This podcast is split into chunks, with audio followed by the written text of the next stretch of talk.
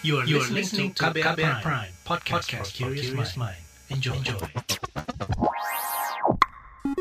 Saatnya Anda dengarkan Ruang Publik KBR yang dipersembahkan oleh NLR Indonesia. Halo selamat pagi saudara kembali lagi Anda mendengarkan Ruang Publik KBR bersama saya Rizal Wijaya dan pagi hari ini dipersembahkan oleh NLR Indonesia. Kita akan membahas tema Yuk Cegah Disabilitas Karena Kusta.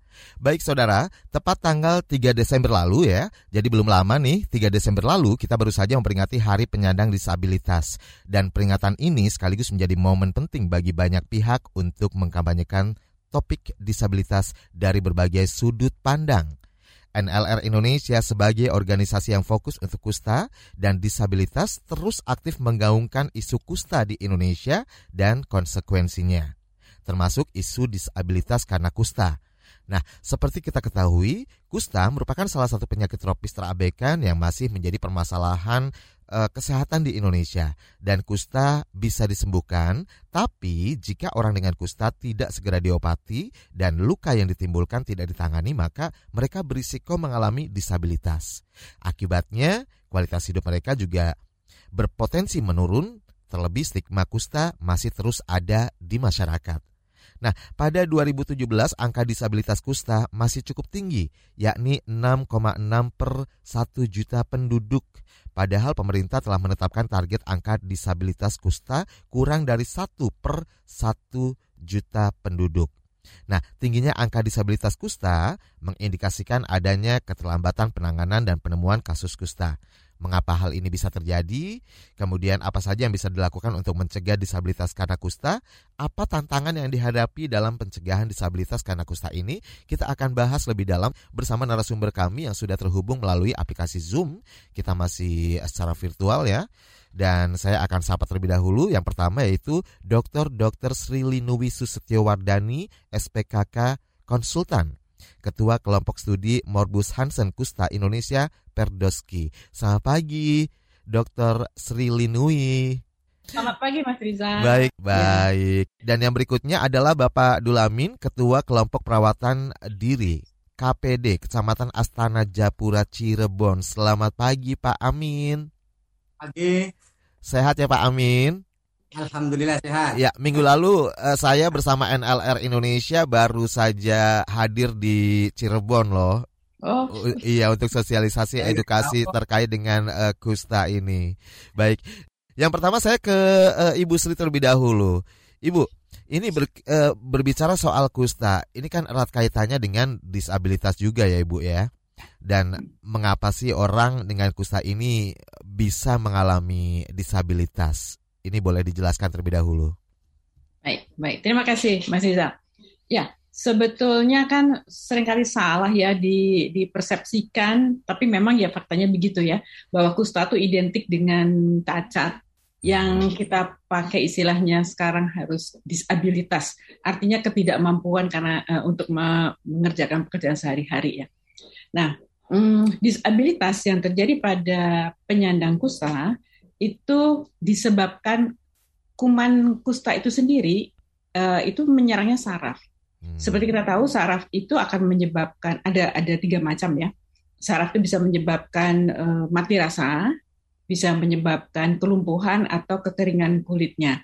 Nah ini dia nih, kalau dia itu um, mati rasa, maka sering kali kan kalau ada luka nggak nggak terasa ya nggak sakit dibiarkan aja ah nggak sakit ini ngapain sih berobat pada umumnya kan begitu ya Betul. tapi ternyata nanti akan berlanjut terus sehingga menyebabkan kerusakan jaringan yang lain dan termasuk tulang sehingga bentuk menjadi cacat ya nah itu kalau di eh, apa bagian aspek yang mati rasa tetapi bisa juga ke yang tadi tuh kelumpuhan ya hmm. jadi ke arah ototnya motoriknya lumpuh sehingga lumpuh itu bisa lumpuh layu atau lumpuh yang uh, kaku ya. Hmm. Nah itulah yang menyebabkan uh, terjadinya gangguan. Jadi karena kuman ini langsung menyerang pada sarafnya. Setelah itu baru bagian tubuh yang lain termasuk kulit. Baik, jadi nggak ada indikasi misalnya sakit apa dulu gitu ya, apa yang dirasakan seperti itu ya. Tapi justru yang membahayakan seperti itu ya, risikonya berat sampai ya, disabilitas. Betul, karena itu uh, penyakitnya ini kan uh, tidak disadari. tidak disadari karena mati rasanya. Hmm. Ya karena nggak sakit sih ngapain gitu ya, jadi hmm. biarin aja lah nggak sakit ini gitu. Itu menyebabkan uh, pasien tidak berupaya mencari uh, pengobatan gitu. Nah, okay. kalau berlanjut terus ya ujungnya adalah cacat ya, disabilitas nanti. Baik. Apakah semua uh, kusta ini bisa menyebabkan disabilitas, Ibu? Sebetulnya kecenderungannya iya. Hmm. Walaupun tidak semua karena kalau uh, itu kan bisa bisa kita cegah artinya kalau kalau ditemukan lebih awal lebih dini maka kita bisa tangani kan sehingga bisa di uh, apa diberikan edukasi dan sebagainya untuk pencegahan ya. Tetapi karena um, si kuman ini tadi tempat ya utamanya bersarang itu adalah pada saraf. Jadi hampir seluruhnya kemungkinannya adalah uh, akan terjadi cacat. Okay. Tetapi ada juga yang tidak, uh, misalnya pada tipe tertentu atau uh, kelainannya tidak mengenai area-area yang akan menyebabkan cacat, ya mungkin ya mudah-mudahan aja tidak terjadi cacat itu. Baik. Nah, uh, kita reminding lagi deh. Uh, mungkin pendengar kita ada yang baru bergabung gitu ya. Kira-kira nih bisa dijelaskan nggak dokter apa sih sebenarnya gejala yang paling awal yang bisa terdeteksi nih sama orang gitu ya ketika kita terkena kusta gitu loh? Ya, ya baik uh, Mas Isa. Uh, gejala awal itu adalah timbulnya bercak, bisa putih, bisa juga merah dan mati rasa, gitu ya. Uh, itu yang gejala awal yang uh, harus diwaspadai. Ini kusta bukan. Uh, kita harus uh, buktikan bahwa ini kusta atau sampai itu terbukti bukan kusta. Okay. Karena yang menyerupai uh, bercak seperti itu banyak sekali. Bercaknya itu maksudnya banyak atau seperti apa, dokter? Bisa satu, oh. bisa satu, bisa juga banyak seluruh tubuh bisa. Hmm. Uh, ada tipe-tipe tertentu, jadi rentang tipe penyakit ini luas banget ya. Jadi ada yang bercaknya cuma satu, mati rasa, hmm. misalnya di punggung gitu ya, atau di lengan, itu di tungkai bisa. Tetapi ada juga yang mati rasanya tidak terlalu dominan, tetapi kelainannya sudah menyeluruh seluruh tubuh. Ya, itu biasanya pada tipe yang lebih berat, kumannya banyak, daya tahan tubuh pasiennya juga tidak terlalu baik. Gitu ya. Hmm. Itu Kira-kira uh, berapa lama nih ketika kita sudah ada indikasi nih uh, bercak di kulit gitu ya, sampai akhirnya uh, kita benar-benar nih kena kusta gitu loh. Ini kusta loh gitu. Oh, maksudnya dari mulai muncul penyakit bercak. Uh, ya muncul bercak sampai kita memastikan itu yeah, yeah. Uh, kelainannya itu kusta. Sebetulnya begini, dari kuman itu masuk ke tubuh sampai timbul kelainan itu membutuhkan waktu tahunan. Oh, Oke. Okay. Uh, eh, sulit diprediksi, sulit dicari karena memang kelainannya nggak spesifik ya. Hmm. Jadi awal itu ya. Jadi yang rata-rata um, itu sekitar 3 sampai lima tahun rata-rata. Tapi bisa lebih dari itu. Oke. Okay. Ya. Nah, uh, pokoknya begini, Eh, begitu ada bercak yang mencurigakan putih atau merah yang tidak tidak terasa apa-apa mati rasa ya tidak gatal hmm. tidak sakit tidak sembuh dengan pengobatan yang ya mungkin di, diupayakan berikan obat jamur atau obat untuk eksim tidak ada perbaikan nah curiga itu. Oke, okay, baik. Berarti begitu ada bercak yang mencurigakan, mati rasa, biasanya bercak kan langsung gatel gitu ya. Kita ya. garuk gitu kan. Ini kalau nggak ada rasa gatel, nggak ada rasa perih atau apa pun gitu ya, itu mendingan langsung periksakan diri gitu ya ke ya, vaskes terdekat. Sampai, Betul, sampai terbukti itu bukan kusta. Baik, Segera. siap, siap, siap, siap. Nah, ini perlu ditegaskan kembali ya kepada masyarakat ketika kita uh, terindikasi ada bercak tumbuh di kulit kita, yaitu tadi yang harus dilakukan pertama kali. Baik, dan uh, dokter uh, kita tahan dulu. Uh, sekarang saya ke Pak Dul nih. Pak uh, Pak Amin ya, Pak Amin. Pak Amin ya. ini kelompok perawatan diri. Bisa kenalan terlebih dahulu nih dengan uh, KPD ini. Seperti apa sih profil dari uh, kelompok perawatan diri? Apa saja fokus kegiatannya? Ya, terima kasih Mas Reja. Uh, dengan kegiatan KPD ini, benar kata Bu Dokter itu karena kalau orang terkena kusta itu kelihatannya kalau udah mengalami cacat kedua, kalau dia kalau bilang cacat gitu kan, dia pasti punya luka. Hmm. Nah luka itu kan kalau kita nggak diurus itu makin menebal, menebal seperti kayak kapalan gitu kan. Hmm. Tapi kalau kita dilakukan dengan KPD, itu insya Allah ya khususnya teman-teman kami itu banyak sekali manfaatnya dan luka itu tidak jijik dan bahkan bisa bersih hmm. kelihatannya cuma kelihatan cacatnya aja tapi lukanya itu bersih nah cara pe, melakukan KPD itu yang punya luka yang tadinya kulitnya menebal kita itu rendam minim minimalnya itu 20 menit nah 20 menit itu kita rendam nah kalau sudah 20 menit kita angkat dan kita gosok pakai batu apung oke okay. di kulit yang menebal itu akan bisa hilang, hilang, hilang, hilang. Kalau kulit yang kasar juga bisa juga bisa halus gitu. Oke. Kalau kita yang kapalan itu tadi ya. Yang yang, yang ya. itu. Pak Amin boleh tahu Pak Amin, ini anggota dari KPD sendiri siapa saja sih Pak Amin? Ya kebetulan di Kabupaten Cirebon ini baru ada di Kecamatan Astana Jepura saja. Hmm. Khususnya di kecamatan itu belum ada. Jadi makanya saya kepengen untuk untuk publik itu ya dikembangkan untuk ke puskesmas yang lain. Oke. Okay. Jadi supaya ya itu kata Bu Dokter itu supaya ada pencegahan jangan sampai mengalami disabilitas. Baik, Pak Amin sendiri bersama berapa orang nih eh, di KPD ini? Kan? Alhamdulillah di kelompok kami itu ada anggotanya ada 20 orang. 20 orang. Latar belakang mereka apakah memang eh, salah satu OYPMK, orang yang pernah mengalami kusta atau seperti apa bisa diceritakan Pak Amin?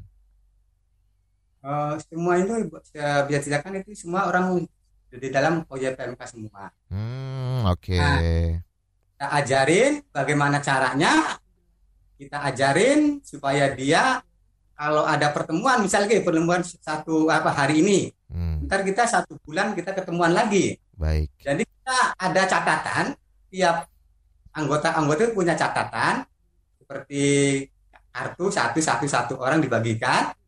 Nah tiap pertemuan satu bulan sekali kita uh, apa ya kalau melakukan KPD itu sebenarnya sih bukannya di rumah di puskesmas saja. Tapi dilakukan dengan kita di rumah masing-masing. Baik Ntar kalau sudah satu bulan kita ketemuan, hmm. kita lihat kalau yang rajin ya pasti bersih.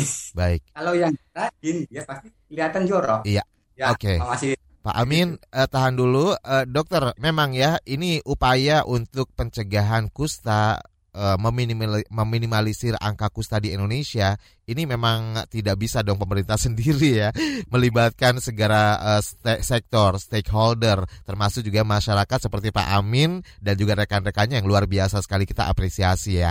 Nah, dokter uh, bisa dijelaskan dokter bagian tubuh mana saja sih yang paling berisiko mengalami disabilitas karena kusta? Karena uh, ini kan harus tahu juga nih masyarakat terutama OYPMK termasuk orang yang dengan kusta. Ya, baik. Terima kasih Pak Rizal. Uh, kalau kita sebut sebagai disabilitas itu di mana? Itu adalah yang berfungsi untuk kegiatan sehari-hari itu tangan, tangan ya, kaki dan mata. Hmm. Itu yang uh, risikonya besar. Jadi kalau misalnya ada bercak di punggung, uh, mati rasa tidak akan kita sebut sebagai disabilitas kan karena tidak bukan berfungsi untuk kegiatan sehari-hari. Jadi tangan, kaki, dan mata. Ya. Tapi meskipun bercaknya ada di punggung misalnya, itu bisa nyambung ke disa mengalami disabilitas di tangan, mata, dan kaki seperti itu ya?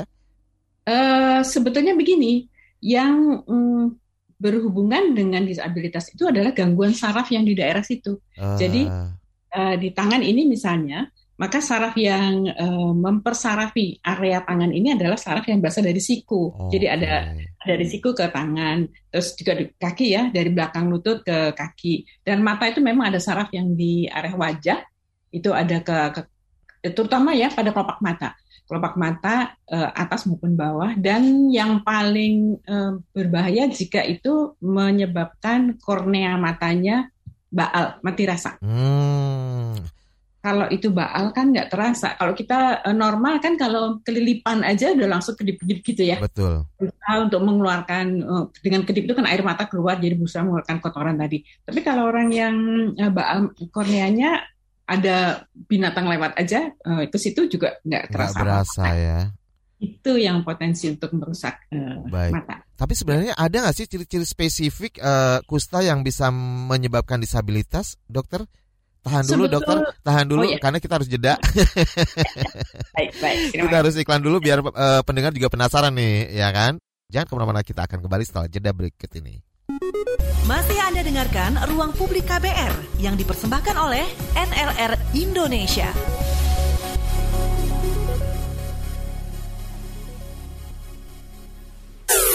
Commercial break. Hei Gatot Kaca, kamu kok nggak bantuin kita sih? Indonesia kan lagi melawan virus corona.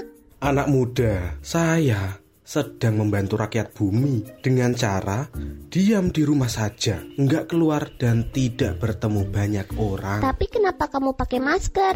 Kalau kamu sakti, kan bisa saja mengusir virus ini dari muka bumi. Anak muda, virus ini tidak mengenal tua, muda, dia pasti akan menyerang. Jadi, saya pakai masker kalau keluar rumah dan memilih untuk di rumah saja. Kamu juga bisa jadi pahlawan buat banyak orang dan kamu sendiri. Cukup di rumah saja dan kalau keluar pakai masker.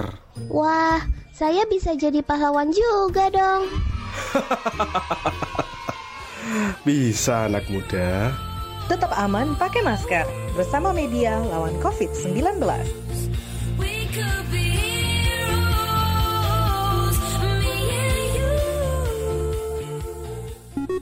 Masih Anda dengarkan Ruang Publik KBR yang dipersembahkan oleh NLR Indonesia. Anda masih bersama saya Rizal Wijaya di ruang publik KBR bersama NLR Indonesia dan kita akan terus ngobrolin soal yuk cegah disabilitas karena kusta dan eh, NLR Indonesia juga melakukan roadshow selain juga edukasi sosialisasi eh, secara on air gitu ya di ruang publik seperti pagi hari ini beberapa waktu yang lalu kita juga sudah eh, mengunjungi beberapa kota ya kan seperti salah satunya adalah Cirebon untuk eh, sosialisasi dan juga edukasi program Suara untuk Indonesia Bebas Kusta. Baik, saya punya penelpon dari Duren Sawit. Ada Jimmy. Selamat pagi Jimmy. Selamat pagi. Ya, silakan Jimmy. Apa yang mau kamu tanyakan? Maaf nih, baru udah baru gabung saya baru dengar tadi eh, pas ibu ngejelasin tentang cara bisa menjelaskan cara mata kornea mata gitu. Itu kira-kira jang- jangka waktunya beberapa lama. Terus kalau yang o- o- eh, orang sehat gitu seperti saya gitu apa eh, bisa terkena kusta nggak sih gitu dan eh, seperti gimana gejala awalnya gitu eh, mas Oke, Itu aja. itu aja. ya Baik, terima kasih. Dan langsung saja dokter, dokter sih boleh dijawab ya. Mungkin kalau Ya. gejala-gejala tadi sebenarnya sudah dijelaskan, tapi mungkin Jimmy baru bergabung kali ya. Eh, eh, ya, baik. Terima kasih Mas Rizal. Tadi siapa eh, penanya? Em, Jimmy. Mas Jimmy. ya? Di Duren Sawit. Ya, baik. Eh, sebenarnya kalau ditanya kapan ya sampai bisa matanya jadi sakit gitu ya, tidak ada yang bisa jawab itu karena sebetulnya yang perlu diwaspadai eh, kalau terjadi reaksi, jadi pusat tuh tiba-tiba bisa jadi hebat gitu ya, heboh banget gitu ya, jadi bengkak hutang dan sebagainya itu terjadi reaksi. Itu apabila ada kelainan di wajah dan eh, matanya menjadi em, apa namanya itu biasanya matanya merah, Hmm. kemudian kabur ya, jadi mendadak kabur yang mendadak visusnya menurun gitu ya. Visus itu kan eh, m, apa pandangan matanya Daya gitu ya. penglihatan ya. Nah, betul daya penglihatan. Ya, terima kasih Mas. Nah, itu eh, perlu diwaspadai matanya sudah terjadi sesuatu harus ke dokter mata tentu ya. Jadi kami kan berkolaborasi ya antara dokter kulit dan dokter mata untuk itu. Jadi kalau soal waktu tidak ada yang bisa menentukan kapan sehari, dua hari, sebulan atau tidak. Tetapi begitu terjadi reaksi maka eh, akan terjadi tiba-tiba dalam waktu hitungan hari sudah terjadi gangguan pada mata. cepat banget ya. Cepat. Jadi yang kita waspadai adalah eh, reaksi itu tadi, ya, Oke. reaksi yang menyebabkan peradangan di sarafnya, ya. Hmm. saraf mata, saraf di tangan, saraf di kaki, begitu. Mengapa penting harus segera diperiksakan begitu ada gejala gitu ya Betul. dokter? Eh, Oke. ha-ha. Dan yang kedua eh, orang sehat seperti saya bisakah kena kusta? Ini mungkin transmisi virusnya atau bakterinya seperti apa sebenarnya penularannya? Sebetulnya kan karena bakteri itu hidup di dalam eh, di lingkungan yang yang ini cocok nih ya daerah tropis ya. Hmm. Eh, itu biasa. Ini sebetulnya penularannya antar manusia ya. Eh, kalau di Amerika itu dari binatang bisa, jadi armadillo ya. Binatang makanya kita suka pakai eh, apa namanya itu sebagai simbol ya armadillo itu. Eh, binatang lain masih belum kita temukan seperti tikus atau monyet itu di daerah-daerah lain seperti di Afrika ada.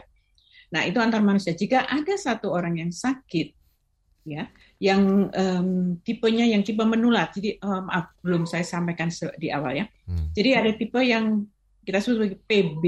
PB itu pausi basiler, artinya jumlah kumannya sedikit. Itu yang biasanya orang menyebutkan kusta kering ya, karena memang hmm, itu apa kelainan kulitnya hanya beberapa. Tapi yang tipe yang di ujung satu lagi itu yang multibasiler, artinya basilnya banyak, itu yang biasanya kelainan kulitnya banyak dan saraf yang terkena juga banyak. Hmm. Nah, kedua tipe di ujung sini sama ujung kiri dan ujung kanan ini potensi untuk menjadi eh, cacat sih sama, hanya yang tipe yang yang berat tadi yang eh, kumannya banyak, Hmm. basilnya banyak, itu kelainan eh, sarafnya juga banyak jadinya. Jadi istilahnya bilateral kiri kanan ada. Oke. Kalau yang tipe yang kering tadi, yang tipe pausi atau basilnya sedikit, itu biasanya cuma satu. Hmm. Jadi itu tetap kita waspadai.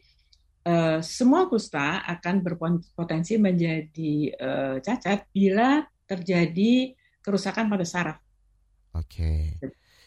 Ini walaupun kering gitu ya, yang yang notabene lebih ringan istilahnya Lebih terlihatnya ringan. ya. Itu tetap kan- berpotensi ya. Ya, karena bakteri itu eh, tempat utamanya dia berdomisili pada saraf. Hmm, oke. Setelah itu baru ke kulit gitu. Eh, terlihat terlihat eh, muncul gitu ya di permukaan itu di kulit. gitu. Jadi kalau sudah sampai di kulit, mestinya sih terlambat ya. Sudah Oke. terlambat gitu. Baik. Jadi memang pencegahan dari awal ya. Dan gejala-gejalanya sendiri nih sampai akhirnya eh, bisa disebut bahwa kusta ini adalah kusta yang bisa menyebabkan disabilitas seperti pertanyaan tadi sebelum jeda saya Bu Dokter. Hmm. Eh, maaf, maaf tadi satu yang tadi yang saya belum jawab dari Pak Rizal. Apakah orang sehat bisa tertular atau tidak? Nah, Iya. iya. Maaf, ketinggalan. Bisa tertular oleh eh, penderita yang belum diobati, yang memiliki kumannya banyak. Jadi yang tipe yang disebut sebagai tipe basah itu tadi itu ya, yang multibasiler, basilnya banyak, itu bisa tertular. Nah, eh, apakah selalu tertular? Belum tentu karena itu eh, penyakit menular yang paling tidak menular gitu. Artinya daya tularnya rendah sekali dan sangat bergantung pada tahan tubuh seseorang yang akan ditulari itu tadi ya. Hmm. Gitu ya.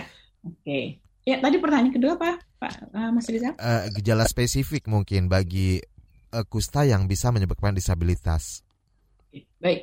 Eh, sebetulnya eh, sudah saya sampaikan tadi tapi saya sampaikan lagi bahwa eh, mesti diingat bahwa kelainan itu pada saraf sehingga disabilitas hampir selalu mungkin terjadi. Oke. Tetapi bisa tidak apabila kita obati dengan baik dari awal atau eh, begitu kita ketahui ada reaksi yang menyebabkan peradangan hebat pada saraf eh, pada penyandang penyandang kusta biasanya mereka tahu itu ada Hmm. neuritis gitu namanya ya Hmm, neuritis hmm, pada saraf. Bila itu terjadi segera diobati maka kita bisa mencegah terjadinya cacat. Baik. Nah, kalau Pak Amin, Pak Amin ini eh, bersama rekan-rekannya Pak Amin di Cirebon eh, melalui kelompok perawatan diri KPD gitu ya. Nah, ini Pak Amin seperti tadi yang disampaikan di awal eh, melakukan juga terapi gitu ya, kayak semacam mungkin pengobatan gitu atau pembersihan bagi eh, saudara-saudara yang terkena kusta yang mengalami disabilitas. Nah, ini bisa diceritakan sejauh ini nih berapa yang sudah ditangani berapa orang mungkin? Eh, Alhamdulillah khususnya di Kecamatan Asjak saya sudah menangani se sebanyak-banyaknya itu minimal ada 30 orang. 30 orang. 30. Oke. Nah, ini saya kan menangani dan mempelajari untuk perawatan diri supaya contoh saya nih tangannya kayak gini kan oke, Pak Amin. dulu tangan saya ini penuh dengan luka Hmm. karena saya diponis dengan kusta basah itu kan daya itu kan berarti kan kaki juga ada luka tangan juga ada luka setelah kita ada perawatan diri itu kan kelihatannya bersih tidak ada luka Betul. Iya, betul. cuma kalau tubuh kita kan sudah rentan. Oke. Pak Amin. Waduh Pak Amin. Jadi saya nasihatin Halo Pak Amin. Agak-agak Ya, terganggu halo. tadi sinyalnya. Iya, boleh. Dilanjut. kalau kalau saya itu sebagai ketua KPD ya, kita harus menasihati teman-teman kami. Oke. Jadi misalkan kalau memegang benda, jangan sampai eh, polos dengan tangan harus ada pelindung. Oh, Takutnya kalau sudah ada luka itu lama sekali. hmm. Jadi maka kita harus berhati-hati sama Baik. sekali. Pak Amin boleh ceritakan Pak Amin, Pak Amin terkena kusta ini eh, dari gejala awalnya itu dari umur berapa Pak Amin? Sebenarnya saya tuh kenanya umur 35. 35. Sudah punya istri, punya anak. Itu tumbuh Jadi- bercaknya, tumbuh bercaknya banyak atau hanya satu seperti tadi dijelaskan oleh dokter?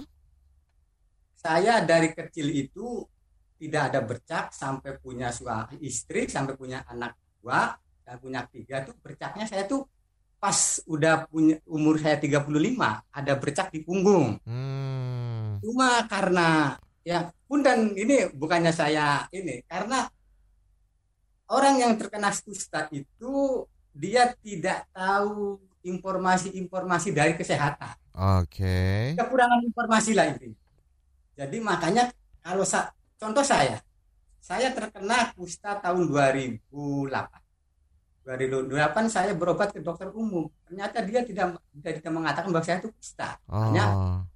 hanya penyakit biasa. Jadi saya ket- keterlambatan berobat kata dokter itu. Hmm. Nah, akhir- akhirnya menimbulkan ya kecacatan gitu. Baik, akhirnya eh, timbul kecacatan ini setelah divonis kustanya sudah berapa lama? Selang berapa lama nih Pak Amin? Nah, selama dua tahun saya berobat ke, ke puskesmas, ternyata diponis saya kusta. Kusta basah. Nah harus berobat selama satu tahun. Oke. Nah, karena saya ingin sembuh, jadi berobat itu kita terus rutin tiap hari minum obat. Karena kalau misalkan kata dokternya, kalau misalkan terlambat satu hari, itu kita harus ulang lagi. Betul, betul seperti itu ya dokter ya. Memang harus continue ya. Iya, karena saya ingin sehat, ya kita harus berobat sekali terus tiap Oke. hari. Baik. bulan kita harus ngambil lagi ke puskesmas. Baik. gitu. Nah, ini menjadi Itu bekal kan perlu juga. dukungan dari keluarga. Ya, menjadi bekal Pak Amin juga ya, eh, yang Ya. melakukan langsung, merasakan langsung, menyampaikan dengan rekan-rekan KPD seperti itu ya dokter ya. Iya, iya. Bagus sekali. Bagus sekali. Baik. Kalau yang menasihatin orang lain, dia tidak percaya. Tapi kalau saya yang datang itu saya buat contoh nih. Kalau Betul. tidak berobat seperti saya. Eh, Nah, iya tidak, betul betul betul. Berobat lagi. Betul Pak Amin. Kita butuh sekali nih seperti Pak Amin yang terus eh, bergerak ya kan, terus semangat untuk memotivasi eh, rekan-rekan yang lainnya penyandang eh, disabilitas eh, ter- terutama kusta gitu ya dan kepada masyarakat umum yang memang untuk meningkatkan awareness, untuk meningkatkan kesadaran juga. Penting ini ya dokter ya. Baik, jangan ke mana-mana kita akan kembali setelah jeda berikut ini.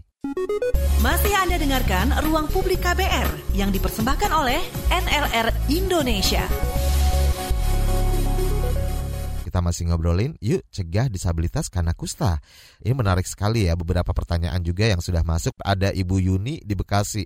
Bu, eh, dokter, berapa lama terapi kusta dilakukan sampai benar-benar sembuh? Kemudian obat apa sih yang dikonsumsi? Nah, ini nih perlu nanti juga ditanyakan juga ke Pak Amin ya, Pak Amin ya. Boleh dibagikan ceritanya. Dokter terlebih dahulu, Dokter Sri. Ya, baik Bu Yuli. Terima kasih untuk pertanyaannya. Bu Yuli, kalau eh, pasien itu kan tadi sudah disebutkan juga Pak Amin juga sudah menyampaikan bahwa kalau kustanya kering itu enam bulan Hmm. pengobatannya. Kalau kusta basah yang bakterinya banyak itu sampai 12 bulan. Eh, apakah pasti se 6 bulan itu sembuh atau 12 bulan sembuh? Itu bergantung pada kondisi pasiennya sendiri. Kadang-kadang dibutuhkan waktu lebih panjang sedikit. Jadi kalau eh, yang tipe yang kering tadi kita bisa perpanjang sampai 9 bulan. Yang basah tadi sampai 18 bulan. Itu bisa. Ya. Eh, dan ada yang bahkan bisa lebih dari itu. Kemungkinan misalnya ada gangguan-gangguan em, fungsi tubuh yang lain ya sehingga memperlambat penyembuhan. Nah, jangan khawatir itu tetap bisa diobati. Dan obatnya itu sudah dalam paket ya. Hmm. Eh, dalam paket eh, satu paket yang untuk yang kering itu isinya dua ya. eh, rifampicin antibiotik dan eh, satu lagi DDS atau nama lainnya Dapsone yang diminum tiap hari tapi untuk rifampicinnya satu kali dalam sebulan cukup dan itu di, di paket ini dipakai untuk 6 sampai 9 bulan. Untuk yang basah ditambah satu lagi selain rifampicin, Dapsone, ada satu lagi namanya Lamprin atau clofazimine. Eh, obatnya coklat bulat Hmm. kecil dari ya, soft capsule dan eh, sebenarnya itu agak lunak. Eh, itu digunakan tadi 12 hingga eh, 18 bulan. Oke. Dan itu free ya, Oh, gratis. gratis. Ya, gratis. Bisa diambil di puskesmas. Baik. Nah, jadi gratis ya untuk eh, pengobatannya sendiri. Nah, eh, apa namanya tadi kan disebutkan tanpa jeda. Kalau misalnya eh, terlambat sedikit saja itu harus diulang lagi. Seperti itu, dokter. Seperti apa Ya. sebenarnya? Betul, karena kan kita menghendaki eh, kadar obat tadi di dalam tubuh stabil untuk untuk hari-hari terus sampai sekian bulan itu tadi ya. Hmm. Begitu eh, sempat jeda beberapa hari itu sudah hilang kan dari tubuh. Nah, kita mesti start lagi dari awal. Itu pun juga em, kepentingannya adalah supaya si bakteri tadi tidak tidak kebal, tidak kebal obat ya. Yang kita sebut sebagai istilah medisnya itu resisten. Resisten. Baik. Nah, em, oleh karena itu keteraturan berobat itu penting. Kalau enggak kan dari awal lagi nanti. Gitu jadi lama lagi sembuhnya. Baik.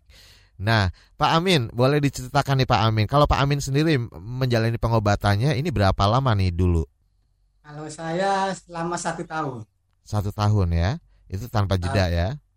sampai jeda, alhamdulillah. Tapi ya risikonya kita sudah satu tahun juga, risiko yang reaksi juga ada. Kadang-kadang badan panas dingin, Hmm, kalau lagi reaksi tuh kadang muka merah gitu kan. Itu disebabkan karena kita itu gimana ya? Kalau kita orang terkena kusta atau orang Jawa bilang lepra gitu kan, hmm, itu karena stigma dari masyarakat itu selalu tinggi. Jadi kalau kitanya dianggap serius, itu akan menimbulkan reaksi. hmm. Tapi kalau kita, oh saya tuh iya menerima saya seorang kusta, saya mengalami keadaan, kita terima. Seperti kita relax, kita jangan dipikirkan hal-hal yang itu. Insya Allah itu tubuh kita akan reda dan tidak menimbulkan reaksi lagi. Oke, Penting kita jangan ada pikiran pusing gitu lah istilah gitu. baik. kita relax aja lah stigma itu kita buang, kita buang jauh-jauh. Karena Oke. apa? Kalau stigma itu adanya di diri kita sendiri. Kalau diri kita masih stigma, masyarakat kapan tahu bahwa saya itu istilahnya eh, mau bergaul dengan masyarakat. Yang namanya teman itu ada yang baik, ada yang Oke. kita ambil yang baiknya saja lah. Siap. Wih, keren banget nih Pak Amin nih. Pak Amin, ini yang disampaikan juga ke eh, teman-teman eh, komunitas Pak Amin eh, juga ke, ke masyarakat pada umumnya seperti itu ya, edukasi seperti ini ya. Mengedukasi ke masyarakat. Karena apa? Karena masyarakat juga kekurangan informasi. Oke. Tahu-tahu kalau penyakit kusta itu karena penyakit yang membahayakan, gitu kan? Kutukan. ya penyakit Bang. penyakit guna-guna padahal enggak kan karena bakteri itu kan sebenarnya Betul. Ya pokoknya segala sesuatu kalau kita Allah ngasih kita seperti ini ya kita terima saja Baik. Tapi nih Pak Amin sendiri pernah mengalami stigma. Stigma Ya. apa nih yang disematkan Kalau ke Pak Amin? kalau dicerita itu kayaknya satu jam juga nggak bisa selesai nggak cukup ya. nggak cukup itu karena stigma dari masyarakat ya jangan deket-deket kalau Ah. dikasih makan warga saya jangan mau Oke. gitu kan eh, orang lagi sakit masyarakat stigmanya lebih tinggi akhirnya ya itu, penyakit kita tuh reaksi reaksi Makin lagi, sakit reaksi. ya. Betul. kalau kita dibikin relax ah masa bodoh amat kan Oke. gitu kan Ya. sebenarnya kita stigma kita tuh dari kitanya sendiri sebenarnya Siap. Baik. Itu kalau stigmanya udah bener ya kita masa juga menerima Hmm. Ya, dokter, ini terkait stigma. Ini kan memang stigma ini sendiri eh, sedikit menguras energi gitu ya. Bukan sedikit lagi, banyak Eh, orang bakal trauma, bakal kepikiran, bakal mengganggu psikologi. Nah, menurut dokter sendiri nih sebenarnya eh, dari stigma yang ada seperti penyakit kutukan, eh, kemudian penyakit guna-guna tadi dibilang, ini sebenarnya faktanya seperti apa sih, dokter? Sebetulnya tidak ya. Ada kok ini penyebabnya bisa kita cari lagi ya. Hmm, temukan. Tetapi yang eh, itu kan cerita diturunkan, diturunkan ceritanya, cerita buruknya diturunkan, nah jadinya orang jadi eh, itu udah masuk di kepalanya oh ini akibat dosa akibat perbuatan yang Masa lalu. masa lalu keturunan sebetulnya yang muncul di keturunan itu karena kan itu close contact ya jadi ah, sorry em, apa namanya penularan yang erat antara satu dengan yang lainnya Hmm. dan erat itu di mana ya di rumah kan Oke. jadi ada satu orang yang sakit di rumah, kemungkinan yang lainnya bisa sakit juga karena em, yang apa namanya itu kontak yang lama dan erat. Nah, orang di luar menganggap oh, itu turunan tuh gitu ya, Hmm. si ini sakit gitu. Jadi kakeknya sakit. Nah, ini jadi anaknya, cucunya juga ikut sakit. Padahal bukan bukan karena keturunan, karena memang dekat. Nah, kalau kita dalam satu rumah yang orangnya berbeda-beda semuanya, bukan bukan keluarga, ya bisa sakit karena Hmm. kontak yang lama dan erat itu tadi. Baik. Jadi itu harusnya di disosialisasikan terus menerus tanpa jeda, tanpa berhenti supaya eh, persepsi itu jadi hilang. Betul. gitu. Jadi artinya apa yang disampaikan oleh Pak Amin tadi salah satunya misalnya harus dijauhi, jangan dekat-dekat. Kemudian kalau dikasih makan jangan mau gitu ya istilahnya ya. Itu salah ya dokter ya? Ah, eh, kan orang itu kan sebetulnya seremnya itu tadi tuh dianggap penyakitnya keturunan atau apa ya. Nah, satu lagi yang membuat orang itu menjadi stigmanya menjadi kuat karena melihat eh, cacatnya kan. Cacatnya itu ah ini nanti saya kalau sakit jadi cacat seperti ini. Jadi Hmm, meng- menghindari diri dan eh, menstigma orang lain itu jadi lebih kuat. hmm, Oke. Nah, tadi seperti cerita Pak Amin tadi, mudah-mudahan dengan begini, kalau Pak Amin bisa eh, terus-menerus mungkin dalam kelompok kecil, nanti kelompok kecil menularkan lagi ke orang yang lainnya, tentang baiknya bahwa cacat itu kalau udah cacat tuh ya cacat aja, tapi itu cacat tuh nggak nggak berarti dia masih menular gitu. Jadi stigma itu nanti akan lama-lama menjadi luntur. Itu yang eh, kita harapkan. ya. Iya. Dan kita eh, terus gaungkan ya soal ini ya supaya masyarakat juga semakin sadar. Kita akan jeda terlebih dahulu, dokter dan juga Pak Amin. Eh, waktunya tidak lama lagi karena sebentar lagi kita akan masuk sesi terakhir bagian akhir di ruang publik KBR. Jangan ke mana-mana. Masih Anda dengarkan Ruang Publik KBR yang dipersembahkan oleh NLR Indonesia.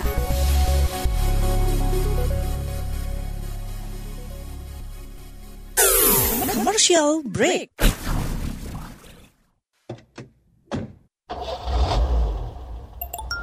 Sudah tahu yang satu ini. Sekarang kabar baru ada di playlist teman perjalananmu. Kamu masih bisa update dengar berita terbaru sambil dengerin lagu kesukaanmu. Semua bisa kamu dengerin di playlist Daily Drive Spotify. Masih Anda dengarkan Ruang Publik KBR yang dipersembahkan oleh NLR Indonesia. Kita ada di bagian akhir ruang publik KBR dan saya juga masih bersama Dr. Dr. Sri Linui Susetyowardani SPKK Konsultan Ketua Kelompok Studi Morbus Hansen Kusta Indonesia Perdoski. Kemudian yang kedua Bapak Dul Amin Ketua Kelompok Perawatan Diri KPD Kecamatan Astana Japura Cirebon. Dan sekarang saya akan tanya, eh, bacakan kembali ada pertanyaan melalui YouTube channel Berita KBR. Saya Reni ingin bertanya apakah penyakit kusta menimbulkan komplikasi penyakit yang lain, Dok? Oh, ya, baik, Mbak Reni. Terima kasih pertanyaannya. Komplikasi yang lain itu, kalau penyakit kustanya sendiri sih sebetulnya tidak ya. Tetapi mungkin obat yang digunakan bisa. Kalau misalnya eh, alergi sama obat kan, jadi ada komplikasi ke eh, organ tubuh yang lain ya. Alergi obat terhadap obat-obat kusta tadi. Atau kustanya tadi memang eh, menimbulkan reaksi yang demikian berat. Misalnya eh, reaksi eh, di sarafnya tadi sedemikian beratnya, jadi komplikasi ke saraf yang lain pun bisa. Hmm. Tetapi yang paling sering itu adalah obat, ya, alergi terhadap obat. Oke. Gitu. Iya, seperti tadi reaksi yang dirasakan oleh Pak Amin juga ya ketika eh, selama mengkonsumsi obat selama setahun itu ya Pak Amin ya. Baik, berikutnya ada pertanyaan juga dari Fitri. Sebentar, kita buka kembali. Oh, dari Ardan. Ardan, bagaimana cara mengantisipasi jika kita sudah sering melakukan kontak fisik pada penderita kusta? Apakah kita ada kemungkinan tertular? Lalu bagaimana mencegahnya? Sebenarnya tadi kan sudah dijelaskan sama dokter, eh, bukan hanya kontak fisik, tapi dalam waktu yang lama gitu ya, eh, eh, eh, eh, kontak erat gitu ya, dokter. Seperti apa dok? Mungkin bisa dijelaskan lagi. tambahannya barangkali ya. Kalau sudah diobati ya nggak apa-apa. Hmm. Ah, obat itu eh, dalam penelitian-penelitian yang dilakukan oleh WHO ya, jadi sifatnya udah dunia. Eh, sekali pengobatan itu bisa membunuh bakteri lebih dari 95%, bahkan mendekati 99%. Jadi, eh, tapi mengapa obatnya kok lama ya? Karena sifat kuman ini tadi ada yang istilahnya dorman, mungkin istilah yang banyak juga kita ketahui dorman itu kayak kalau di em, analogikan dengan beruang kutub tuh dia tidur aja gitu hibernasi gitu ya. Oh, Oke. Kemannya dia tidak melakukan kegiatan apa-apapun, dia tidur aja. Nah, jadi kita ulang lagi pengobatannya kan di bulan berikutnya lagi kita berikan obat sehingga eh, bisa mengcover eh, bakteri-bakteri yang tadinya sudah sempat eh, nggak bangun gitu ya tidur ya. Hmm. Nah, kalau pasien tadi sudah diobati, maka daya tularnya sudah turun. Jadi jangan khawatir, yang penting diobati. Baik. Gitu ya. Walaupun belum selesai nih, walaupun belum belum sampai 12 bulan gitu. Nggak apa-apa juga. Sip. Dan ada Bayu Fitri dari Jakarta. Izin bertanya dengan Bu Dokter kalau ada bercak di mata dan untuk memastikan itu kusta atau bukan berobat ke dokternya apa? Ke dokter spesialis mata atau dokter umum ya Bu Dokter? Ah, begini. Terima kasih Mbak Fitri. Bercaknya di mata atau di em, wajah dekat mata, ya, misalnya ya. Kalau bercak itu mati rasa, putih maupun merah, apalagi kalau udah merah ya, eh, pergi dulu ke dokter kulit. Pastikan ini apa, karena yang eh, bentuknya seperti itu tuh banyak. Eh, jamur juga bisa, ya, seperti itu. Atau mungkin pernah dengar lupus yang di kulit juga sama seperti itu juga, atau eksim bahkan ya itu di daerah situ ada. Nah, pastikan oleh dokter kulit ini penyakitnya di kulit atau bukan. Kemudian kita kerjasama dengan mata. Andai kata hmm, ada kelainannya juga di mata yang kita bisa tengarai, misalnya matanya merah, kering, eh, atau tidak berasa apa pun, atau visusnya atau apa eh, pandangannya menurun, maka kita bisa bekerja sama dengan eh, bagian mata. Ada kelainan nggak ya di matanya? Oke. Jadi ke kulit dulu. Oh iya, so, maaf, maaf. Tadi nanyanya apa? Ke dokter umum atau puskesmas ya? Apa yang terakhir tadi? Eh, Ke dokter kulit atau dokter mata? Seperti itu. Dokter umum, spesialis Dokter umum. mata atau dokter umum? Ya, sebetulnya dokter umum sudah diberikan bekal atau kompetensinya sudah eh, eh, bisa menegakkan diagnosis ini eh, sakit kulitnya apa, gitu ya. Tadi ya, kusta atau eksim atau hmm, apa pun termasuk alergi itu sudah dibekali. Tetapi kalau misalnya eh, eh, beliau-beliau ini dokter umum eh, meragukan itu ini apa ya gitu ya, nggak ketemu juga, boleh dirujuk ke dokter kulit. Siap. Jadi kulit dokter umum kulit baru nanti kita rujuk ke mata. Iya. Nah, kalau tadi eh, Pak Amin kan dikatakan tadi cerita ya bahwa eh, dikatakan ketika periksa pertama nih terlambat Pak Amin gitu ya Pak Amin ya. Ini Ya, ya. Sebenarnya bisa dikatakan terlambat pengobatannya itu kapan dokter? Oh, terlambat pengobatannya. Mm-mm. Sebetulnya kalau eh, sudah datang sudah dalam kondisi cacat itu dianggap terlambat. Kalau Atau- hanya bercak gejala ya gitu. ya kalau dia tahu bercak itu sudah berlangsung sekian tahun gitu tidak disadari karena tidak ada keluhan apa datang saat ini kalau kita tanya "Eh, udah berapa lama Eh, enam bulan atau satu tahun nah itu sudah masuk terlambat, Terlambat. Masih bisa kita kejar pengobatannya supaya keterlambatan tadi jadi jangan sampai lebih jauh lagi gitu sehingga menimbulkan cacat yang eh, tidak di- ditangani ya Siap. Nah, Pak Amin, Pak Amin, eh, mungkin ada pesan eh, tan- kan selama ini mungkin Pak Amin bersama rekan-rekan eh, mengalami kendala, tantangan, apalagi di masa pandemi seperti ini nggak bisa ketemu langsung gitu ya Pak Amin ya dibatasin ya. Nah, ini apa nih yang ingin disampaikan kepada pemerintah daerah mungkin atau kepada pihak-pihak lain? Eh, sebenarnya ini kan biasanya sih kalau KPD kita lakukan satu bulan sekali. Hmm. Sekarang karena pandemi corona, jadi kadang-kadang ya kita cancel dulu. Kadang-kadang sampai sekarang juga ibaratnya belum ada aktivitas, gitu kan. Nah, untuk saran kami untuk ke depannya, pemerintah tolonglah diperbanyak-banyak informasi atau poster-poster di khususnya di puskesmas itu bahwa kusta itu ada obatnya dan obatnya pun gratis gitu kan. Hmm. Jadi supaya masyarakat umum itu tahu bahwa oh kusta itu ada obatnya. Oke. Nah, kalau dulu awalnya saya dengar-dengar dulu karena apa? Kalau orang terkena kusta itu katanya kan harus dibuang kan gitu kan? Oh, diasingkan. Kalau yang orang yang kena kusta akhirnya dia malu berobat. Hmm. Jadi makanya saya semak semaksimal mungkin kita jemput bola. Tolonglah cakaplah diri. Keren banget Pak Amin dan teman-teman ya. Luar biasa. Ini seperti yang dilakukan oleh NLR Indonesia terus mendorong untuk uh, Terus suara ya untuk Indonesia bebas kusta. Nah, ada pesan apa nih Dokter Sri sedikit saja singkat saja. Eh, begini pesannya, karena ini kan berkaitan dengan disabilitas ya. Hmm. Walaupun kustanya udah sembuh, tapi disabilitas tetap berlangsung.